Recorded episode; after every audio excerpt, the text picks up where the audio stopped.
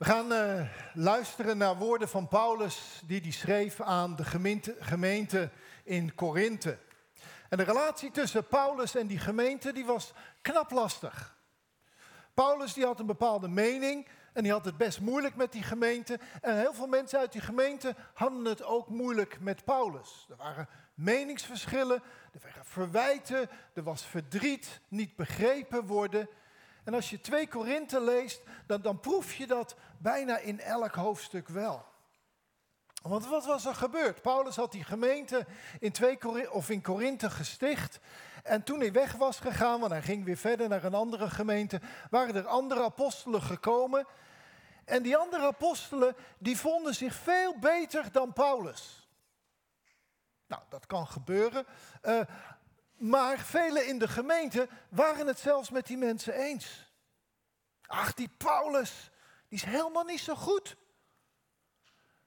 Die anderen, dat zijn veel betere predikers. Die treden veel daadkrachtiger op, zijn veel geestelijker. En zij hebben echt de geest. Dat proef je, dat merk je. En Paulus, die dat via via te horen kreeg, dat deed hem zoveel pijn. Dat tergde hem. Hij voelde zich in een hoek gezet. Hier, eh, zomaar even één vers uit hoofdstuk 11. Ach ja, zegt hij. Die mensen zijn natuurlijk ook de beste apostelen die er zijn. Tenminste, dat vinden ze zelf. Maar ik denk, zegt hij, dat ik minstens zo goed ben als zij. Goed, ik heb niet zo geleerd om zo heel mooi te praten als zij, maar kennis van de waarheid heb ik in ieder geval wel. In een ander hoofdstuk zegt hij, jullie hadden met respect over me moeten spreken. Maar dat hebben jullie niet gedaan. Verwijt. Natuurlijk, het gaat niet om mij. Ik ben niet belangrijk. Maar ik ben echt niet minder dan die mensen die jullie de beste apostelen noemen.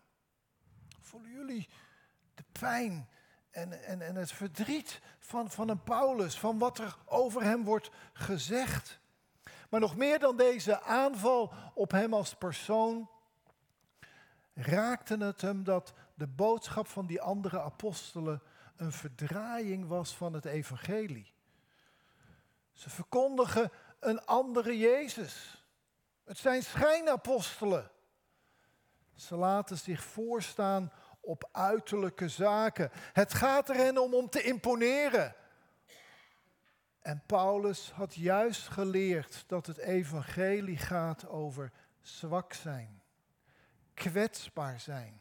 Om het anders te zeggen in onze woorden, in het evangelie gaat het erom dat wij ons masker waarmee we proberen indruk te maken van kijk mij is, dat we dat masker afleggen en dat we erkennen dat we zwak zijn. En eigenlijk ook wat Shazad deelde in zijn getuigenis, dat wij het van God moeten verwachten.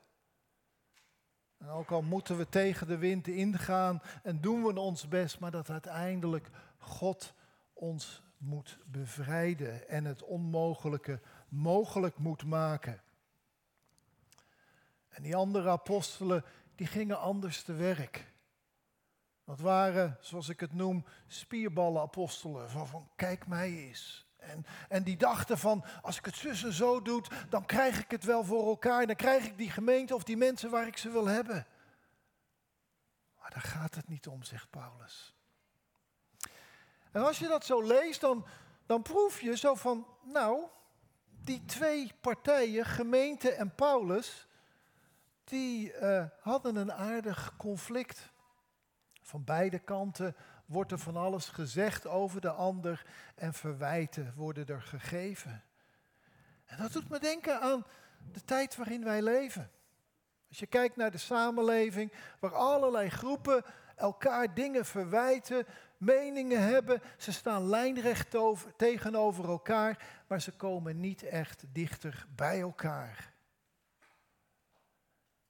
En helaas proef ik dat ook in de gemeentes. Er is meer verwijdering. Men vindt van alles, men wijst naar de ander, zegt van die doet fout en daar ligt het aan. En er wordt van alles verweten. Het is een tijd van kritiek, geklaag en gemopper.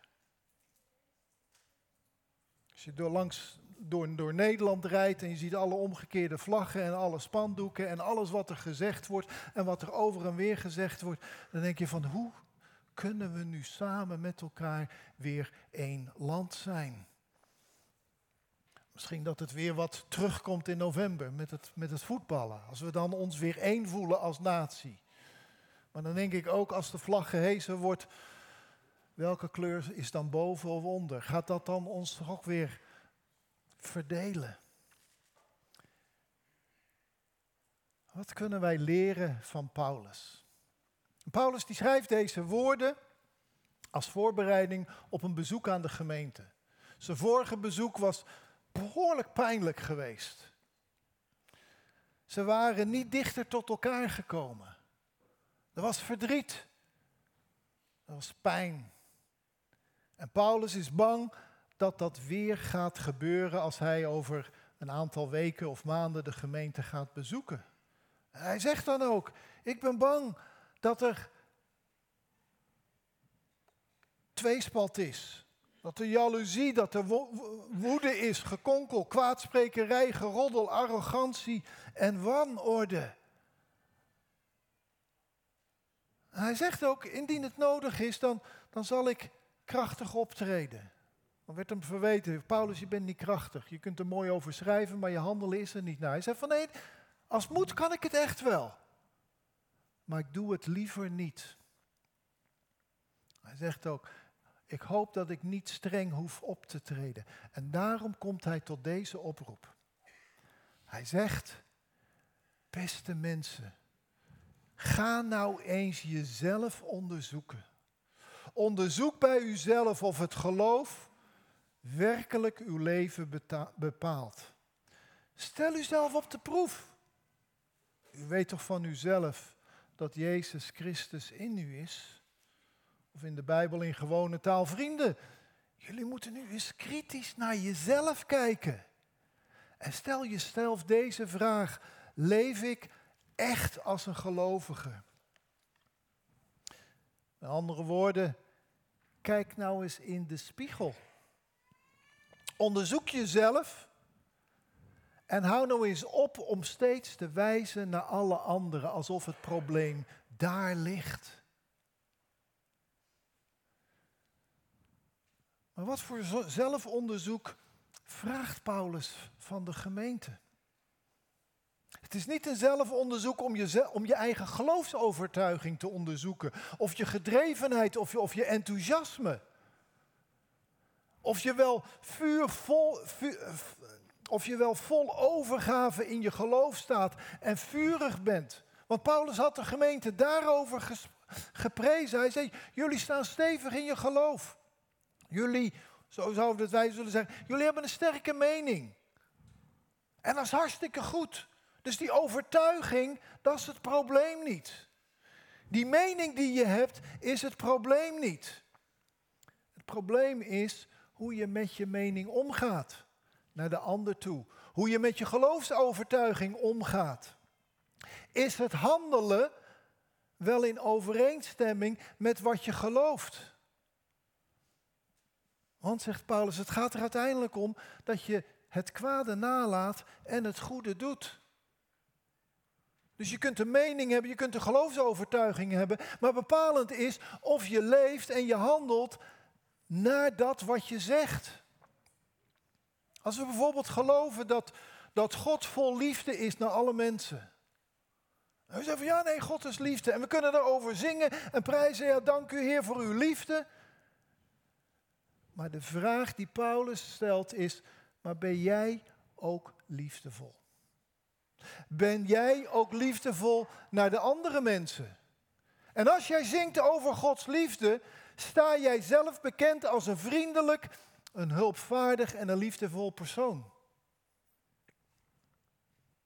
En als je gelooft dat God vol genade en vergeving is, ben jij dan bereid en lukt het je om over al die kleine akkefietjes heen te stappen?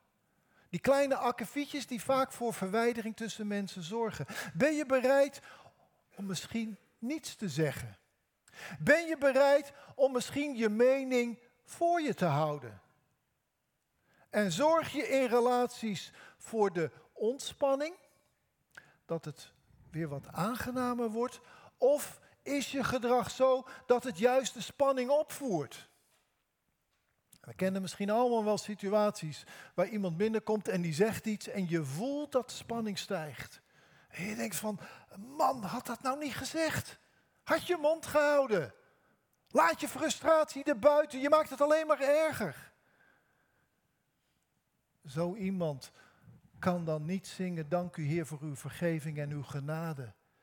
Want die vergeving en genade is niet te zien in het handelen van die persoon. Dit is waartoe Paulus de mensen oproept. En weet je, zo'n zelfonderzoek, dat is heel erg moeilijk. Dat is moeilijk om twee redenen. Ten eerste omdat we altijd net even iets liever voor onszelf zijn. Dan zeggen we, nou, dat valt toch wel mee. Moet je het die zien, weer wijzen. Het is veel erger. Bij mij valt het toch nog wel mee. Ja, wij zijn altijd wel best wel lief voor onszelf. De tweede reden is dat wij vaak bepaalde dingen van onszelf niet zien. Ziet de ander wel, maar wij niet. Onze blinde vlek. Bord voor de kop. En bij de een is de vlek wat groter dan bij de ander, denken we. Zonder te beseffen dat die vlek bij onszelf ook best wel groot is. Dus voor dat zelfonderzoek heb je een spiegel nodig. Maar nog belangrijker is dat je de spiegel aan de ander geeft. Zodat die ander die spiegel hanteert, zodat jij net die dingen ziet die je misschien liever niet wil zien. En dat is niet leuk. Wij uh, hebben, Wilma en ik, samen met Diane, hebben een, moestuin. En die moestuin, mensen die niet in Noord-Holland komen, we hebben hier water overal. En die moestuin die ligt aan het water. En deze zomer gingen daar heel veel bootjes voorbij. Wilma en ik die waren op vakantie. En uh, op een gegeven moment uh, appte Diane. En die zei, moet ik even erbij zeggen, we hadden net een, een appelboom, uh, of tenminste een paar maanden geleden daarvoor, hebben we een appelboom gekocht van een fruitteler. En die had gezegd van, alle appeltjes moet je eraf halen op zeven na. Want die boom die moet dan eerst wat aansterken. En zodat er energie gaat naar die, die zeven appeltjes. Dus we dachten iets van, nou, dat is net twee appeltaarten. En die appeltjes die, die groeiden en die waren mooi en goed. En even nog eventjes. En dan zijn ze rijp om geplukt te worden. Op een ochtend komt Diane, je raadt het al, appeltjes weg. Nou, ze appte dat. We hadden ook stekjes gekregen voor watermeloenen. Nou, we dachten met een hete zomer en een glasplaat, uh, dat gaat misschien lukken deze keer. En er was één redelijk grote meloen waar je zegt van, oh, dat gaat zo'n sappige watermeloen worden. De beste mensen zijn een tweede keer teruggekomen. Watermeloen weg. Niet alleen dat, glasplaat ook nog aan diggelen. Niet leuk. Helemaal niet als je lekker op vakantie bent en alles is rustig en opeens krijg je weer zo'n berichtje binnen. En dat riep bij mij best wel heftige reacties op. En ik begon een beetje, ik had tijd om na te denken, ik begon een beetje te fantaseren van, wat zou ik nou doen als ik die mensen te pakken zou krijgen? Als ik ze op hete daad zou betrappen? Gaat natuurlijk nooit gebeuren, wist ik ook wel. Maar ik zat daar toch wel over te fantaseren. En dan ervan uitgaan dat zij bang zouden zijn van mij en niet, ik niet bang zou zijn van die anderen. Of het is één of meer, uh, ik weet het allemaal niet. Dus ik, ik deelde dat zo met Wilma. En die zei alleen maar, dat is niet echt christelijk. ja, meer zei ze niet. Maar het was wel voldoende. Met die paar woorden hield ze me een spiegel voor. Ja, maar dit is toch een rotstreek? Dat kan toch niet? Ja, nee, het is inderdaad een rotstreek. Maar daar ging haar opmerking niet over. Het ging over mijn reactie. En als ik heel eerlijk ben, als Wilma die reactie niet had gegeven, had ik nooit in die spiegel gekeken en had ik mezelf toch wel enigszins gerechtvaardigd gevoeld om zo over die mensen te denken. En had ik niet besef van, ja maar, je preekt dan over allerlei mooie dingen, maar je moet dat ook in deze dingen zelf in de praktijk brengen. Zoals Paulus de gemeente een spiegel voorhoudt, zo moeten wij ook in de gemeente elkaar die spiegel voorhouden om tot zelfonderzoek te komen. En daar hebben we elkaar voor nodig. En als we dat als gemeente niet doen, dan gaan we van alles zeggen. Dan, gaan, dan zingen we over de mooiste dingen. Dan hebben we een geweldige beleidenis. En de mensen buiten de gemeente die zeggen, leuk hoor, maar ik zie het niet aan ze. Als ze zeggen zo blij te zijn in de Heer, ik zie het niet. Moet je eens kijken hoe ze naar hun werk gaan of naar school of hoe ze mopperen en dit en dat. En wat zeggen ze dan? Die christenen? Stelletjes schijnheiligen. Ze zeggen van alles, beweren van alles, maar ze leven er zelf niet naar.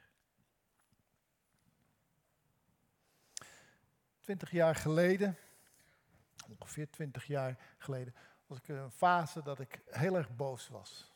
Ik was boos op de kerk, boos op mijn collega's. Ik woonde toen in het buitenland, dus je hoeft niet te denken van hoe, wat was dat hier in Nederland? Dat is allemaal heel ver weg.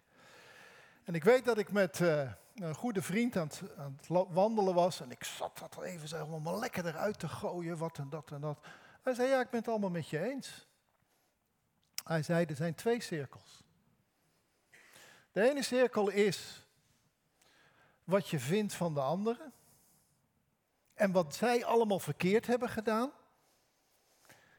En die andere cirkel, die is veel kleiner aan wat jij bij jezelf kan doen, kan veranderen. En die ene cirkel, daar kan jij niks aan doen. Want jij kunt die mensen niet veranderen. Maar die kleine cirkel, daar kan je wel wat aan doen. En weet je, we hebben, dat is misschien wel de natuurlijke aard van ons mensen, dat we veel en veel te energie steken in die grote cirkel waar we niks aan kunnen veranderen. En dat we maar zitten te mopperen en te klagen. En als zij nou eens een keer anders gaan doen en anders gaan reageren, enzovoort, enzovoort. En je kunt er niks aan doen. Ook al probeer je de ander te overtuigen, het lukt je niet. Maar die kleine cirkel over wat je bij jezelf kunt veranderen. Misschien alleen maar om er anders naar te kijken. Of om misschien wat meer begrip te hebben. Of het kan van alles zijn. Jezelf kan je in ieder geval je openstellen voor verandering. En ook soms kan je jezelf niet veranderen. Maar dat zal Gods geest moeten doen. Wij stoppen veel te veel energie in de dingen die we niet kunnen veranderen. En stoppen wij veel te weinig energie in het zelfonderzoek, zodat we ons openstellen, zodat Gods geest ons kan veranderen. En als we tot dat zelfonderzoek niet bereid zijn, dan raken we gefrustreerd over wat die anderen allemaal wel niet fout doen. En dan gaan we zo verder door het leven. Mopperaars. Mensen die het beter weten als die anderen allemaal eens een keer veranderen. Maar het gaat erom dat we ons openstellen door dat zelfonderzoek en erkennen. Nee, Heer, ik moet veranderd worden. En zo staan we in allerlei relaties. Kinderen en ouders. Als mijn ouders nou eens een keer zo waren. Of als mijn kinderen nou eens een keer zo reageerden. Of partners in een huwelijk. Als die, mijn man of mijn vrouw nou eens een keer zo zou reageren.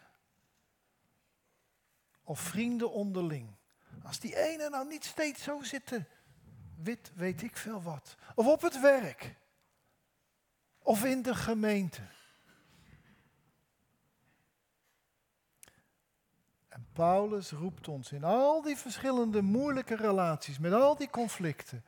Hij roept ons op, maar ga nou eerst eens naar jezelf kijken.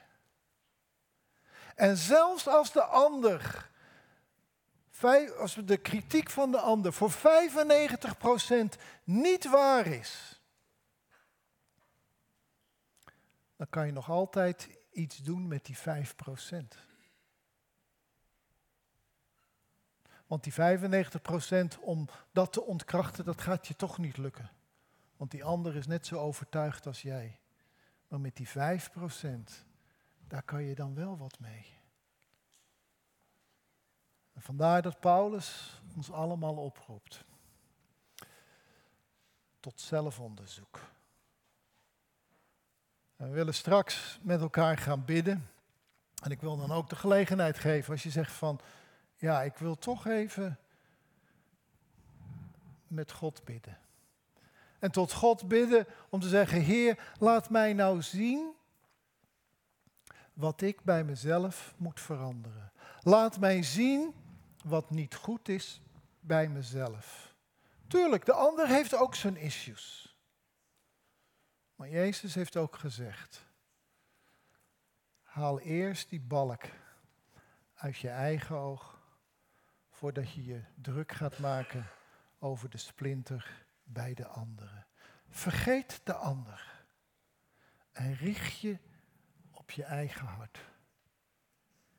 En bid, Heer, laat me zien wat ik kan veranderen, waarin ik moet veranderen, waarin ik moet groeien.